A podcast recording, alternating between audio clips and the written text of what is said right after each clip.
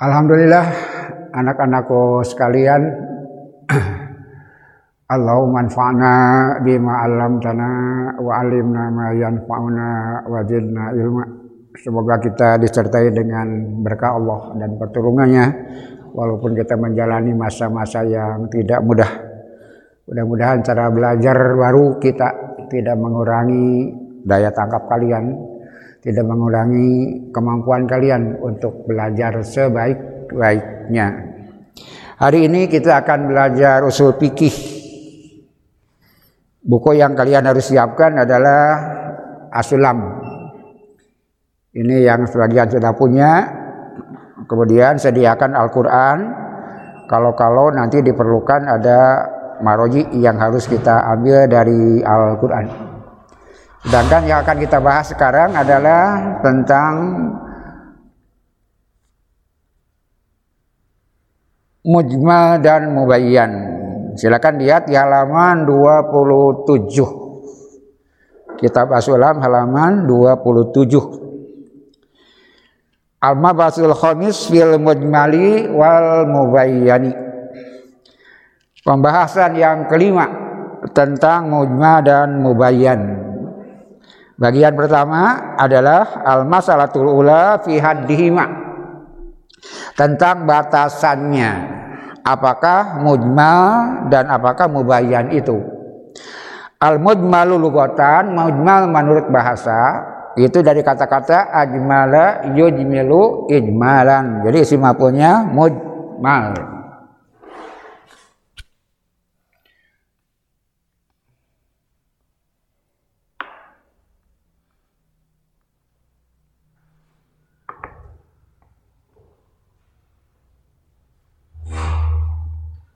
Ya, nanti menghasilkan.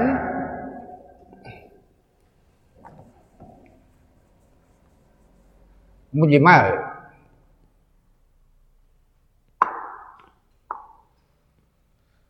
Ajmala yujmilu ijmalan. Ajmala yujmilu ijmalan. Coba lihat di buku. Al mubhamu min ajmala ilal ajmalal amro ida abhama Disebut ajmala apabila abhama. Abhama artinya samar atau bias. Itu makna secara bahasa. Mujma sesuatu yang bias. Mujma sesuatu yang mubham. Wasilahan dan menurut istilah, istilah usul fikih, ma yaftakiru ilal bayani. Lapan atau sesuatu yang memerlukan penjelasan. Jadi mujma adalah lafaz yang memerlukan penjelasan. Kemudian sebelum diuraikan tentang mujma, pasangannya adalah mubayyan. Al mubayyanu malahu dilalatun wadihatun. Sesuatu yang sudah jelas, tidak perlu ada lagi penjelasan, namanya mubayyan. Sesuatu yang mubham, sesuatu yang samar, sesuatu yang bias, istilahnya mujmal. Kebalikannya sesuatu yang sudah jelas, yang sudah punya penjelasan yang lengkap. Bentuk seperti itu namanya mubayyan. Kemudian wal bayan adapun bayan adalah ihraju sai'i min hayyil iskali ila hayyit tajali. Nanti kita akan menjelaskan bayan itu adalah mengeluarkan sesuatu dari yang dari keadaan yang muskil, yang susah, yang sulit kepada keadaan yang jelas, yang nyata. Itu namanya bayan. Sesuatu yang mujmal perlu bayan supaya menjadi mubayyan asalnya mujmal setelah ada bayan menjadi mubayyan. Asalnya samar asalnya bias kemudian ada bayan dia menjadi sesuatu yang jelas. Maka ada istilah berikutnya. Ada mubayyan ada al-bayan ada mubayyin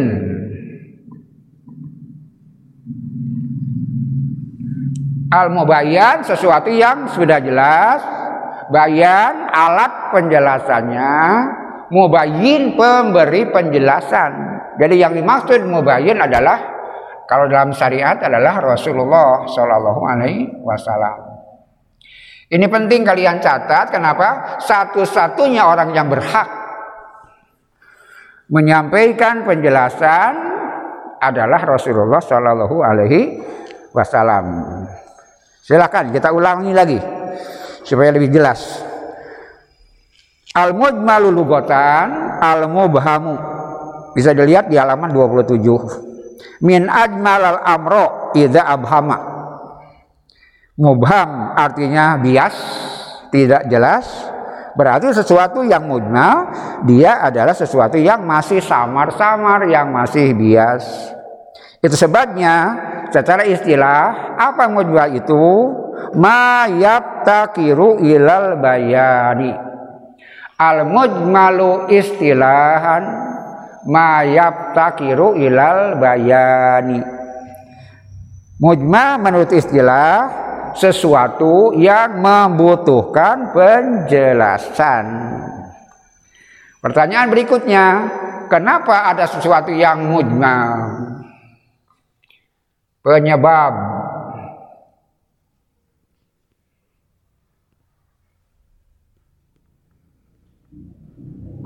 Kenapa sesuatu atau di dalam agama mungkin itu Al-Quran, mungkin itu hadis mujmal, Kenapa mujmal dia bias? Karena pertama karena ada lapad yang mustaroka. Ada lapad yang mustaroka. Kedua karena ringkas. Sesuatu atau lapad menjadi mujmal, jadi samar, jadi bias. Sebab pertama karena ada lapad yang mustaroka. Lapan mustarokah mananya apa? Lapan yang mananya lebih dari satu. Dan kedua mana itu seimbang. Itu namanya mustaroka. Satu lapan yang mananya lebih dari satu. Dan makna yang lebih dari satu atau lebih itu. Kesemuanya seimbang. Itu sebabnya dalam batasan berikutnya silakan lihat oleh kalian di halaman 28 wa hukmul mujmali atau wakuf fihi ila ayubayyana. Hukum mujmal adalah diam. Kita tidak boleh menentukan salah satunya sebelum ada bayan. Namanya tawakuf. Umpamanya di dalam Al-Quran ada perintah wa aqimus sholata dirikanlah oleh kalian sholat. Kata-kata itu sholat itu ringkas dia lapad yang biasa jadi lapad istilahi jadi istilah sholat. Maka di dalam Quran hanya ada perintah akimu sholata dirikanlah sholat. Bagaimana sholat itu?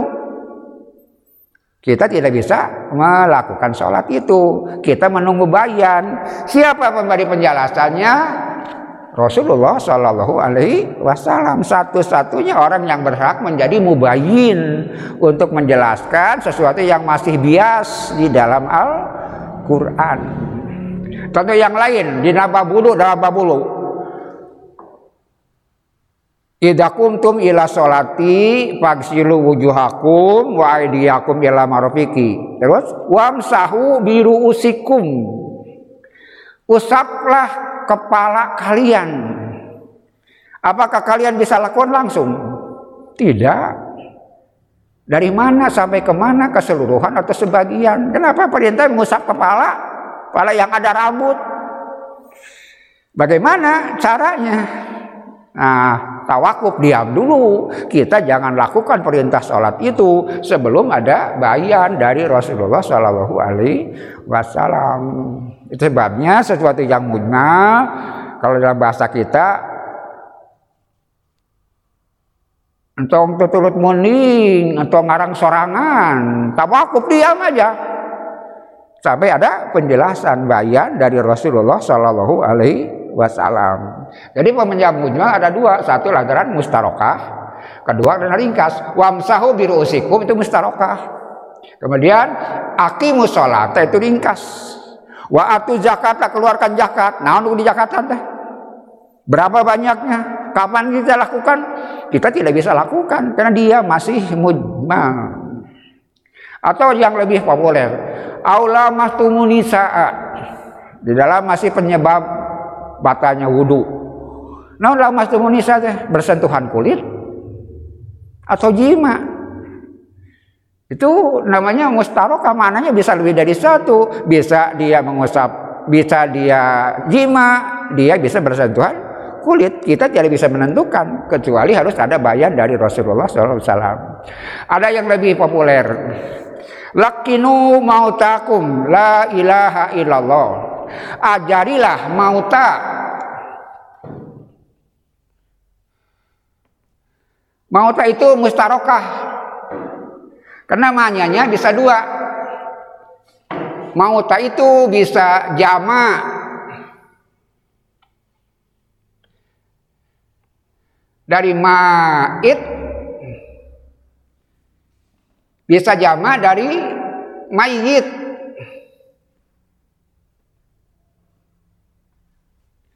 ajarilah orang yang sudah wafat atau sedang menjalani proses wafat yang satu ma'id yang sedang dalam proses meninggal sakaratul maut ma'id isim fa'il. Ma'id orang yang sedang dalam proses menjelang wafat namanya ma'id. Dalam bahasa kita sakit keras atau sakaratul maut. Yang kedua mayit, orang yang sudah meninggal dunia. Dua-duanya isim fa'il. Cuma ini sering kali diartikan maful orang yang sudah wafat. Seperti kotilun pembunuh kotilun orang yang terbunuh. Ma'itun orang yang menjelang wafat. Kemudian mayitun orang yang sudah wafat. Jamaknya sama, itu sebabnya mustarokah. Jamaknya sama. Mauta itu bisa berarti jama dari mayit, bisa berarti jama dari mayit. Pertanyaannya sekarang, siapa yang harus ditalkinkan, diajari itu?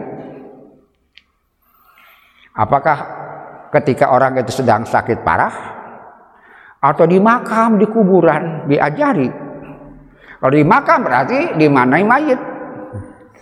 Kalau yang sedang wafat menjelang namanya mayit. Bagaimana? Diam sampai ada penjelasan dari Rasulullah Shallallahu Alaihi Wasallam. Itu yang pertama. Jadi kaidahnya apa? Al mujmalu secara bahasa dari ajmala yujmilu berarti al mubham sesuatu yang masih samar sesuatu yang bias namanya mujmal yang kedua wasilahan mayat takiru ilal bayan. Lapad yang perlu penjelasan. Kenapa perlu penjelasan? Karena dua, satu kena mustarokah, lapatnya maknanya lebih dari itu. Satu seperti mauta atau ringkas seperti sholat, saum, zakat. Kata-kata keseharian berubah jadi kata-kata hukum. Itu harus ada penjelasan karena menjadi ringkas dan samar maka kita tidak boleh lakukan hal-hal tersebut untuk menentukan salah satu dari mana yang dari satu itu kecuali sudah ada penjelasan di dalam hal ini karena berkaitan dengan ibadah tentu saja Rasulullah Shallallahu Alaihi Wasallam. Kemudian kalau sudah jelas ternyata Nabi mengusap kepala keseluruhan dari muka ke belakang, dari delapan ke muka, kemudian mendetik, oh sudah jelas sekarang dengan perbuatan Nabi yang dimaksud wamsahu keseluruhan. Sekarang jadi mubayyan. Wudhu sekarang sudah mubayyan karena yang asalnya mujma sudah ada penjelasan dari Rasulullah Shallallahu Alaihi Wasallam. Maka fungsi bayan apa? Ihrojus min hayijil iskali ila hayijit tajali mengeluarkan sesuatu yang dari keadaan yang muskil susah ditentukan salah satunya tadi menjadi sesuatu yang jelas. Oh, sholat teh begitu. Oh, saum teh begitu. Oh, wudhu teh begitu. Oh, yang ditakinkan itu ternyata bukan yang mati, tapi yang menjelang wafat setelah ada penjelasan dari Rasulullah Shallallahu Alaihi Wasallam. Maka Nabi fungsinya adalah mubayyin. Sesuatu yang sudah ada diberi bayan namanya mubayyan. Ada mubayyin, ada mubayyan. Kebalikannya mujmal, sesuatu yang perlu kepada penjelasan. Sekarang berikutnya almas al. Masalah yang kedua. Fi anwa'il ijmal tentang macam-macam ijmal. Sesuatu yang jadi ijmal macam-macamnya lebih dari satu, ada dua.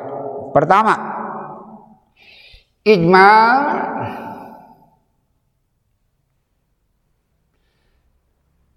dalam mufradat.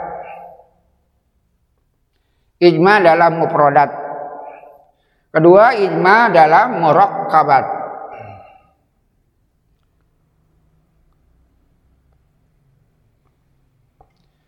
Ada ijma mufradat, ada ijma murakkabat. Mufradat dalam bahasa kita adalah kosa kata. Mujmal baik mustaroka ataupun ringkas dalam kosa kata. Kosa kata itu apa kemungkinannya? Satu isim kata benda. Kedua fiil kata kerja. Ketiga harap kata sambung. Yang namanya mufradat kosakata dalam bahasa Arab cuma tiga. Isim, fiil, harap. Kata benda, kata kerja atau kata sambung harap. Yang dia tidak punya mana kecuali harus ada yang lainnya. Kita lihat contohnya lapad yang mufrad dalam isim ada isi maknanya lebih dari satu. Contohnya mukhtar. Muhtar dia bisa berarti isim fa'il, dia bisa berarti isim isim maf'ul. Dia bisa isim fa'il, dia bisa isim maf'ul. Kalau isim fa'il yang memilih.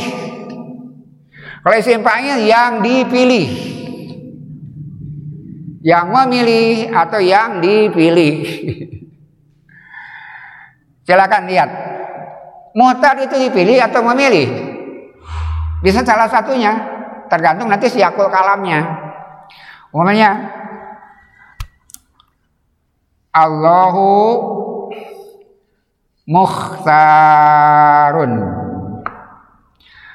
Allahu mukhtarun, mukhtar ini artinya isim fa'il. Allah yang memilih. Itu. Kalau Rasulullah Ras, eh, Rasulullah mukhtar juga Allah muhtarun, Allah yang memilih. Allah Rasulullah muhtarun, Rasul yang dipilih. Muhtarnya sama. Cuma satu bermakna yang memilih, satu bermakna yang dipilih. Berarti muhtar itu lapan atau isim yang mana lebih dari satu dalam istilah ilmu sofiki muhtar itu mustarokah karena maknanya lebih dari satu. Nanti kita bisa lihat contoh-contoh yang lain. Yang kedua fiil. Contoh fiil yang yang mujmal. Contohnya kola. Kola. Kalian biasanya mengingat bahwa kola itu artinya berkata. Padahal kola mananya bisa bukan berkata. Ada mana lain dari kola? Apa? tidur siang. Kita lihat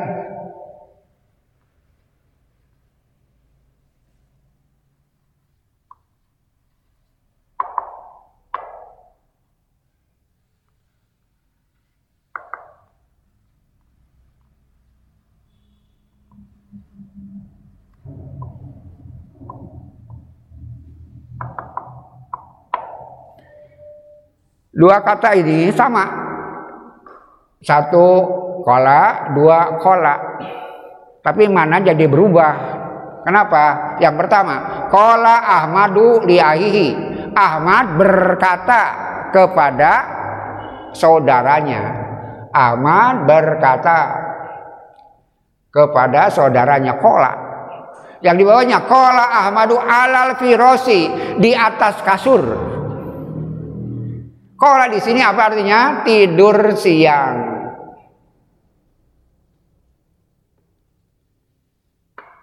Kola Ahmadu ala firosi. Ahmad tidur siang di atas kasur. Itu contoh bahwa kola artinya lebih dari satu. Dia bisa berarti berkata, menjawab, bertanya. Sering kita dapatkan dalam hadis ataupun Quran atau dalam percakapan. Yang kedua, kola berarti tidur siang. Karena itu di Arab namanya koelulah. Isi masdarnya koelulah. Apa koelulah? Tidur siang.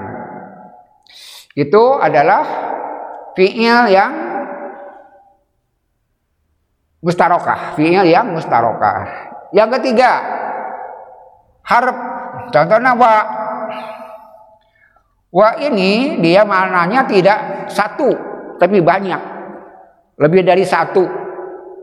Satu wa artinya dan. Berarti kata sambung. Yang kedua awalan. Lebihnya wawul ibtida. Baik dalam paragraf ataupun dalam satuan sering kali ada waw. Wow di sana kadang-kadang tidak diartikan. Kenapa? Karena kalau dalam paragraf panjang biasanya itu adalah untuk menggambarkan bahwa itu awalan kalimat. Wow itu. Kemudian ada wow kata sambung. Kemudian ada wow lagi yang kalian kenal. Wow kata apa isim. Wow yang masuk isim namanya wawul kosam. Kita lihat contohnya. Wahwa ala kulli sayin kodir. Wow ini berarti kata sambung berkaitan dengan sebelumnya. Kemudian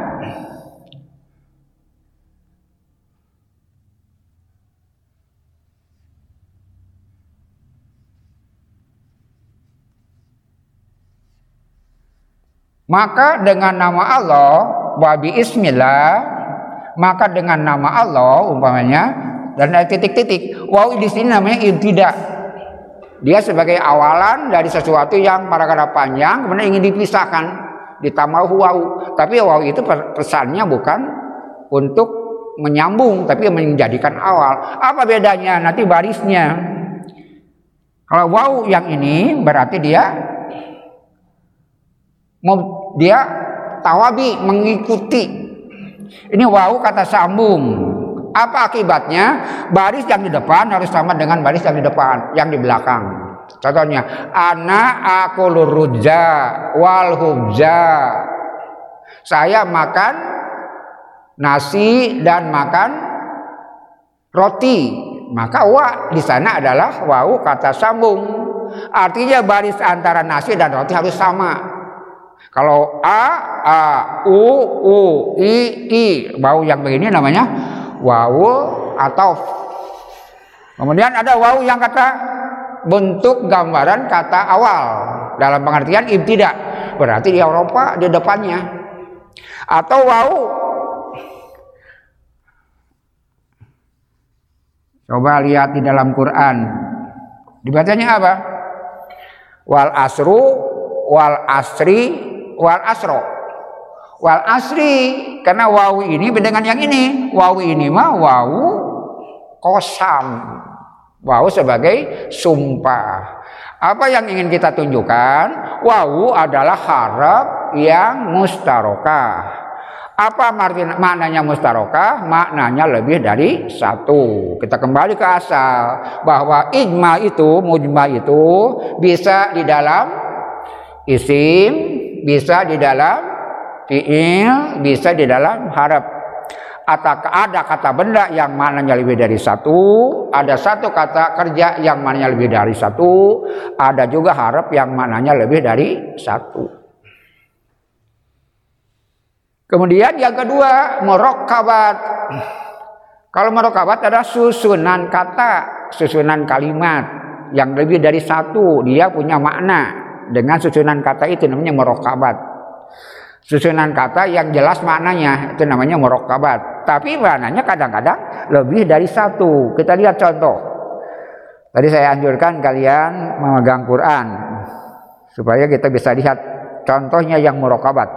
Silakan lihat di paragraf kedua halaman 28. Wa amma fil murakabat di baris keempat paragraf kedua wa amma fil adapun ijma dalam murakabat dalam susunan kata silakan lihat. Dalam surat Al-Baqarah ayat 237 bunyinya begini wa in tumuhunna a'udzubillahi minasyaitonirrajim kalau kalian mentalak mereka mentalak istri min qabli antamas suhunna sebelum kalian menyentuhnya ada orang menikah. Belum honeymoon belum disentuh kemudian bercerai. Ada yang kadang-kadang bernasib seperti itu. Udah nikah tapi sebelum duhul dalam istilah bahasa Arab dalam bahasa istilah bahasa kita ya tanda petik honeymoon wanitanya belum diapa-apa. Kemudian berpisah qabla anta masuhuna waqad faradtum lahuna faridotan padahal kalian sudah menentukan mas kawin. Mas kawin sudah ditentukan. Ternyata setelah nikah belum bercampur belum disentuh sudah bercerai. Maka ada hukum khusus tentang mas kawin yang ditentukan itu. Fanisfu ma faradtum boleh diambil setengah dari yang ditetapkan itu.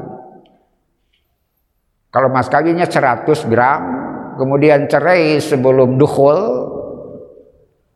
boleh ambil setengahnya 50 gram. Illa kecuali an yafuna ladina biyadihi ukdatanika kecuali dimaafkan oleh ukdatun nikah yang di tangannya ada ukdatun nikah.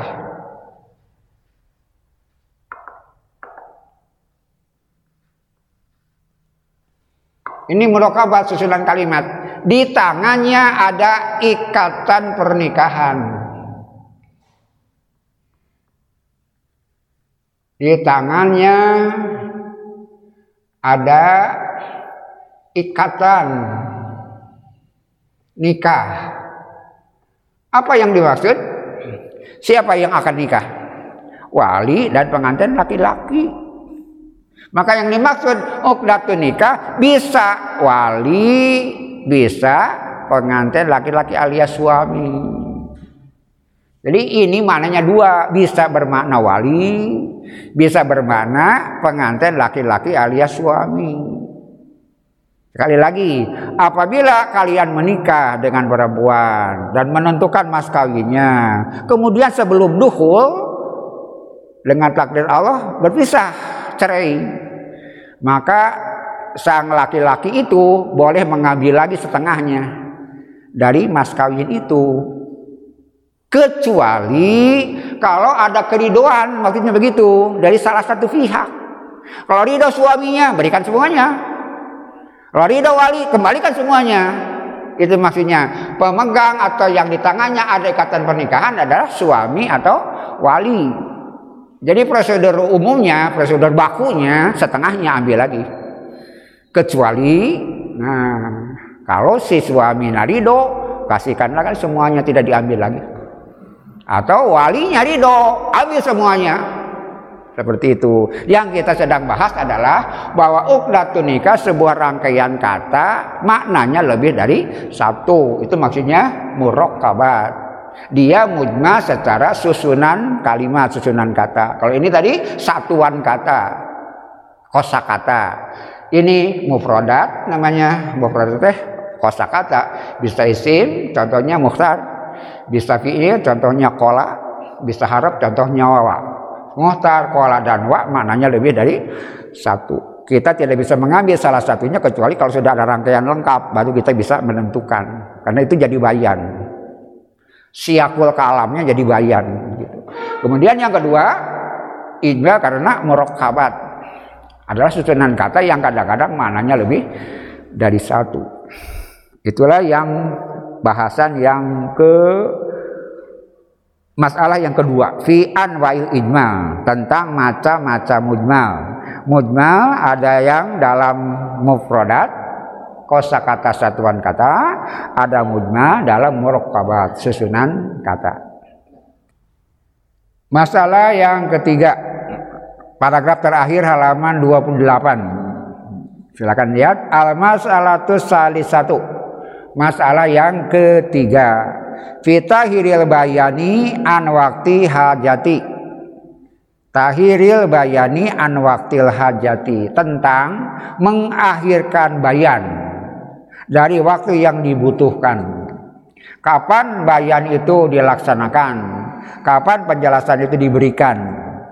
Yang pertama, takhirul bayani an waktil hajati la yajuzu. Mengakhirkan bayan dari waktu yang dibutuhkan itu tidak boleh. Li'ana tahirohu karena mengakhirkan bayan yaktadil ikroro ala itikodil batili. Berarti mengandung makna pengakuan atas pe keyakinan yang salah. Kalau bayan diakhirkan padahal dibutuhkan, maka akan terjadi pandangan atau kesimpulan yang salah, keyakinan yang salah. Berarti kalau dengan sengaja mengakhirkan bayan, itu berarti membuat membuat peluang supaya orang melakukan pemahaman yang tidak tepat. Au al amalu bi wajil morodi lisari atau dengan berakhirnya dengan lambatnya penjelasan mengakibatkan bisa mengamalkan sesuatu yang tidak sesuai dengan kemestian. Jadi tidak boleh mengakhirkan bayan ketika dibutuhkan. Kenapa? Karena kalau mengakhirkan bayan ketika dibutuhkan risikonya dua. Berarti yang pertama mengakui keyakinan salah yang kedua, membuka ruang untuk mengamalkan amal yang tidak sesuai dengan yang diperintahkan oleh syariat. Jadi yang pertama dalam hal ini adalah mengakhirkan bayan dari waktu yang dibutuhkan itu tidak boleh. Wa min amsilatihi dari salah satu contohnya qauluhu sallallahu alaihi wasallam sabda Rasulullah sallallahu alaihi wasallam an Aisyata dari Siti Aisyah radhiyallahu anha Ja'at Fatimatu ibnatu Abi Khubaisin Abi Jaisin telah datang Fatimah anak Abi Jais ila Rasulillah sallallahu alaihi wasallam kepada Rasulullah sallallahu alaihi wasallam. Faqalat maka dia berkata, Ya Rasulullah, wahai Rasulullah, ini mro'atun ustahadu saya wanita yang istihadoh. Saya wanita yang istihadoh.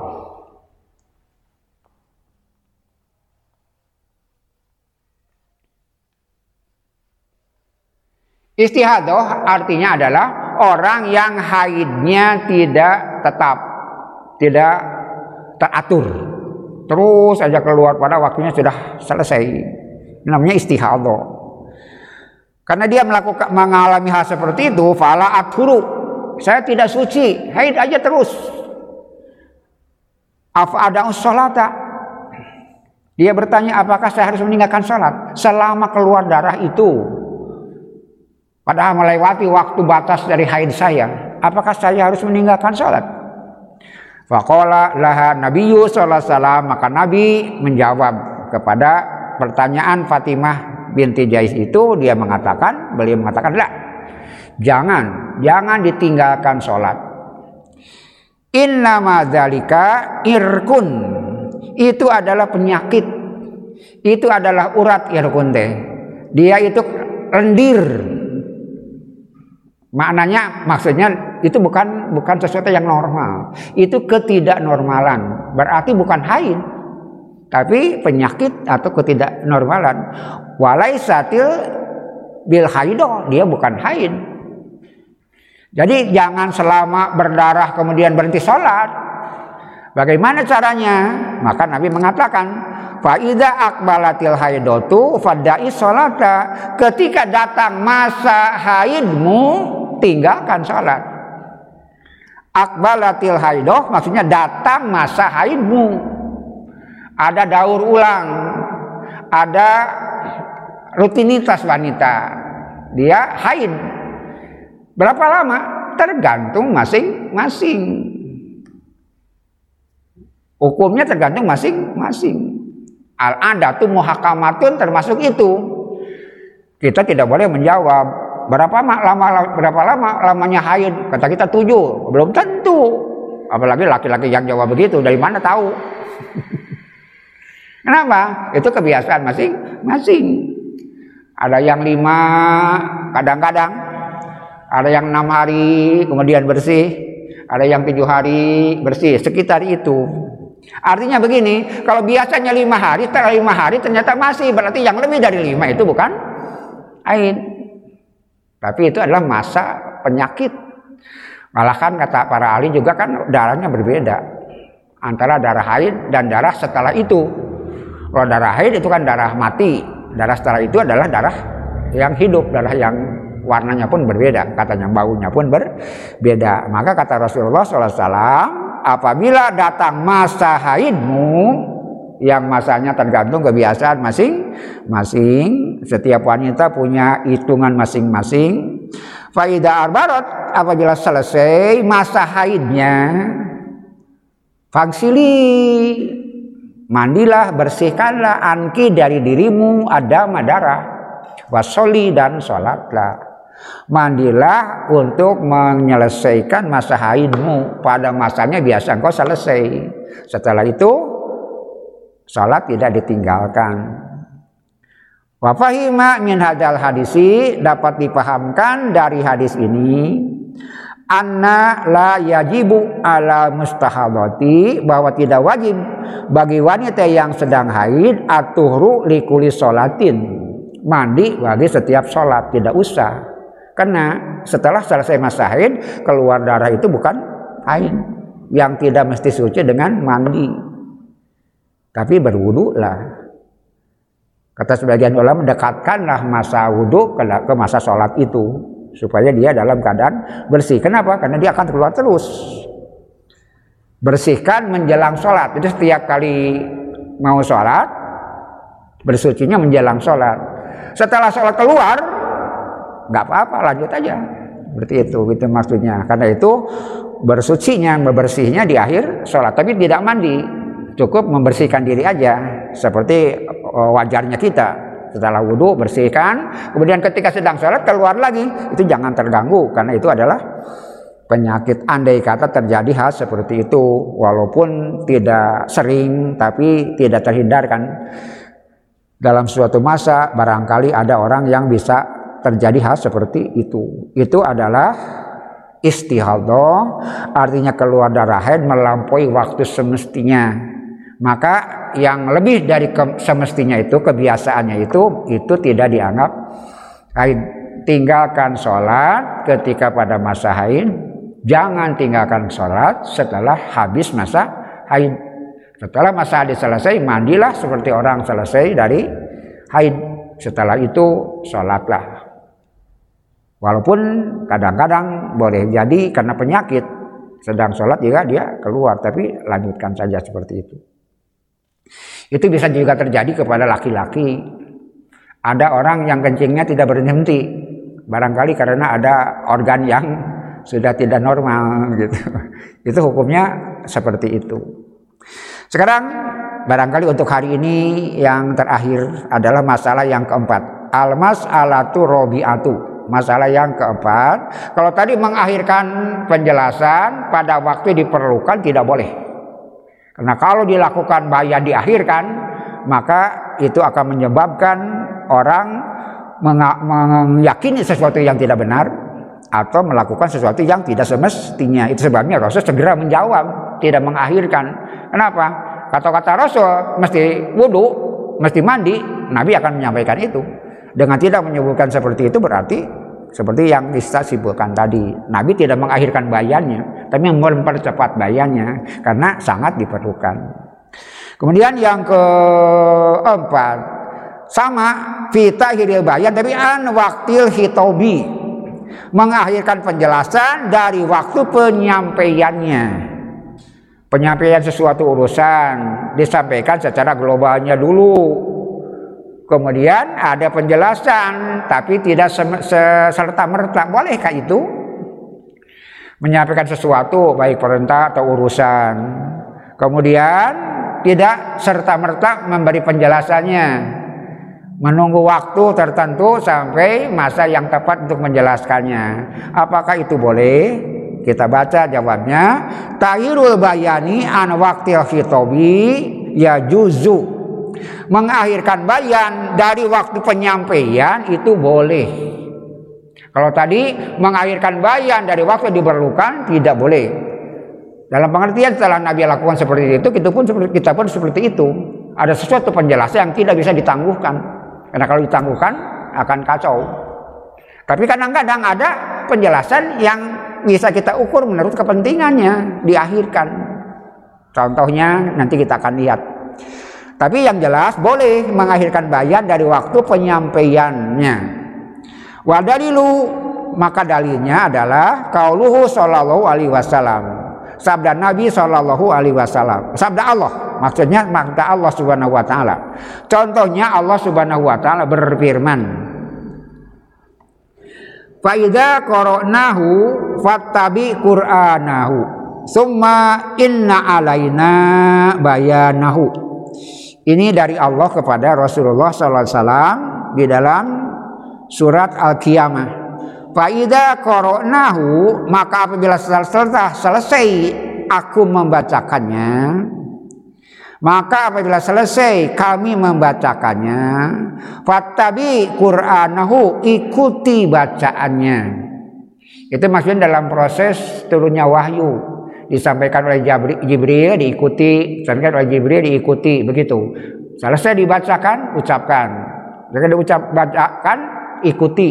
Itu yang dianjurkan oleh Allah kepada Rasulullah ketika menerima wahyu Al-Quran. Summa inna alaina bayanahu. Kemudian, nah kata kunci adalah summa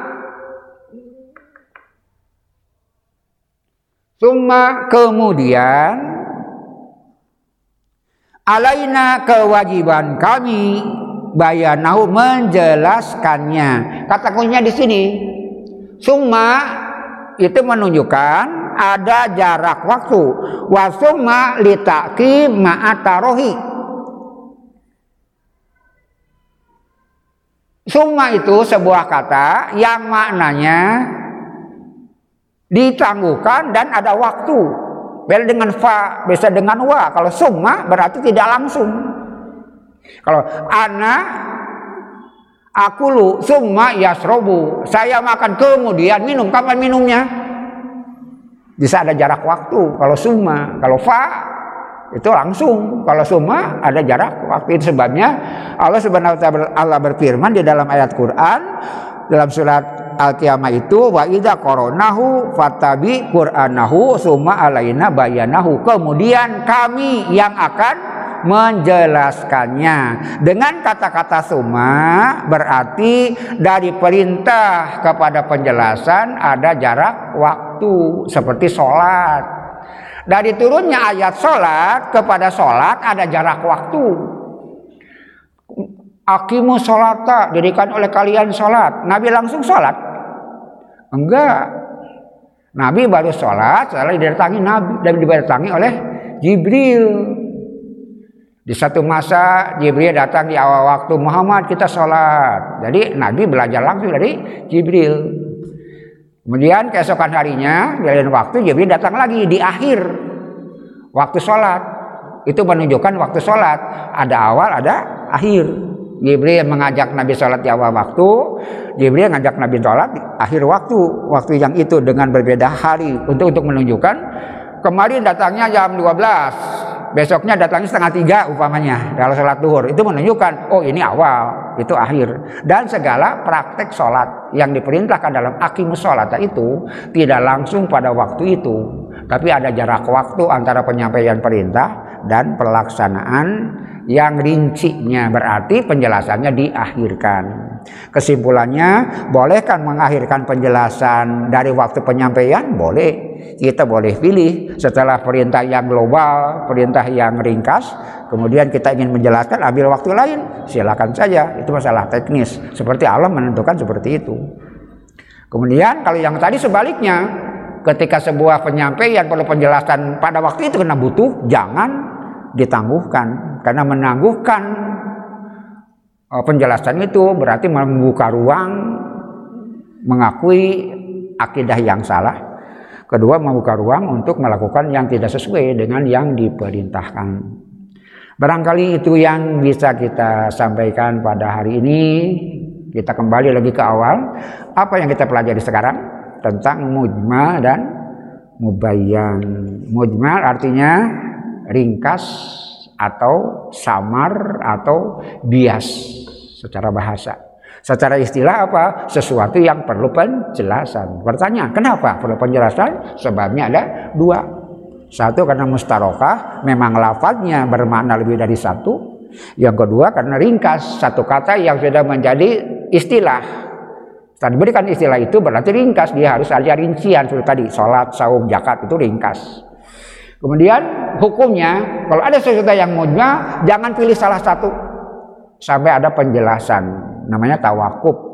Dan dalam masalah agama dan ibadah, satu-satunya pemberi penjelasan adalah Rasulullah Shallallahu Alaihi Wasallam. Jadi jangan baca dalil cuma satu. Baca dalil satu, simpulkan nggak boleh. Baca sebanyak-banyaknya, bayannya, baru kita akan bisa melakukannya atau mengamanai Quran langsung kita lakukan tidak boleh harus cari kenapa begitu nanti kita akan salah Wa aina matuwalu fasama wajah Allah. Ke mana saja kalian menghadap itu wajah Allah. Jadi sholat benar ke mana wae? Enggak boleh, cari dulu. Tadi itu penjelasannya baik di Quran sendiri atau dari Rasulullah Shallallahu Alaihi Wasallam. Maka setelah ada bayan melahirkan sesuatu yang mubayan, sesuatu yang sudah sangat jelas, tidak boleh tidak perlu lagi ada penjelasan lanjutan karena Rasul sudah menjelaskannya. Justru kalau yang sudah jelas ditambah jadi tidak jelas. setelah Rasul jelaskan. Kemudian penyebab mujma karena mustarokan dan ringkas. Kemudian ijma bisa dalam produk satuan kata Kata kerja, kata benda, atau kata sambung harap, isim, fi'il harap, contohnya tadi sudah. Atau dalam merokabat ada susunan kata yang maknanya lebih dari satu. Kemudian ada dua masalah yang dipertanyakan. Bolehkah mengakhirkan bayan dari waktu yang tidak yang diperlukan? Tidak boleh. Karena dia membuka ruang untuk keyakinan yang salah. Kemudian membuka ruang untuk melakukan sesuatu yang tidak sesuai dengan yang diperintahkan.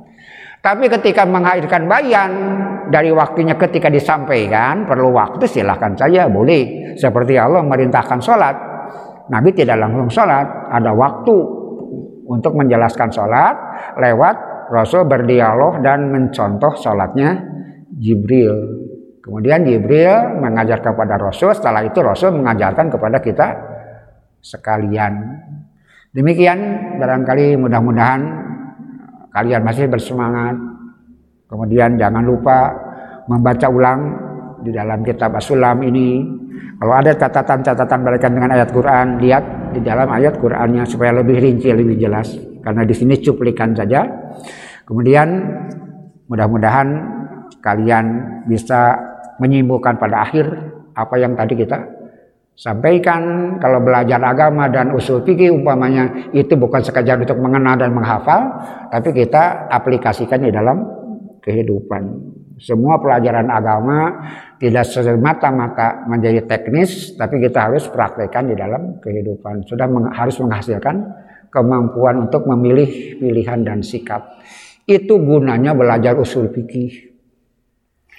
Jangan sudah belajar usul fikih, tapi tindakan tidak ter, tidak sistematis ambil dalil satu langsung kasih fatwa enggak boleh berarti dia tidak belajar usul fikih nah itulah salah satu Gunanya belajar usul fikih, menata pikiran lebih sistematis sebelum melakukan sesuatu.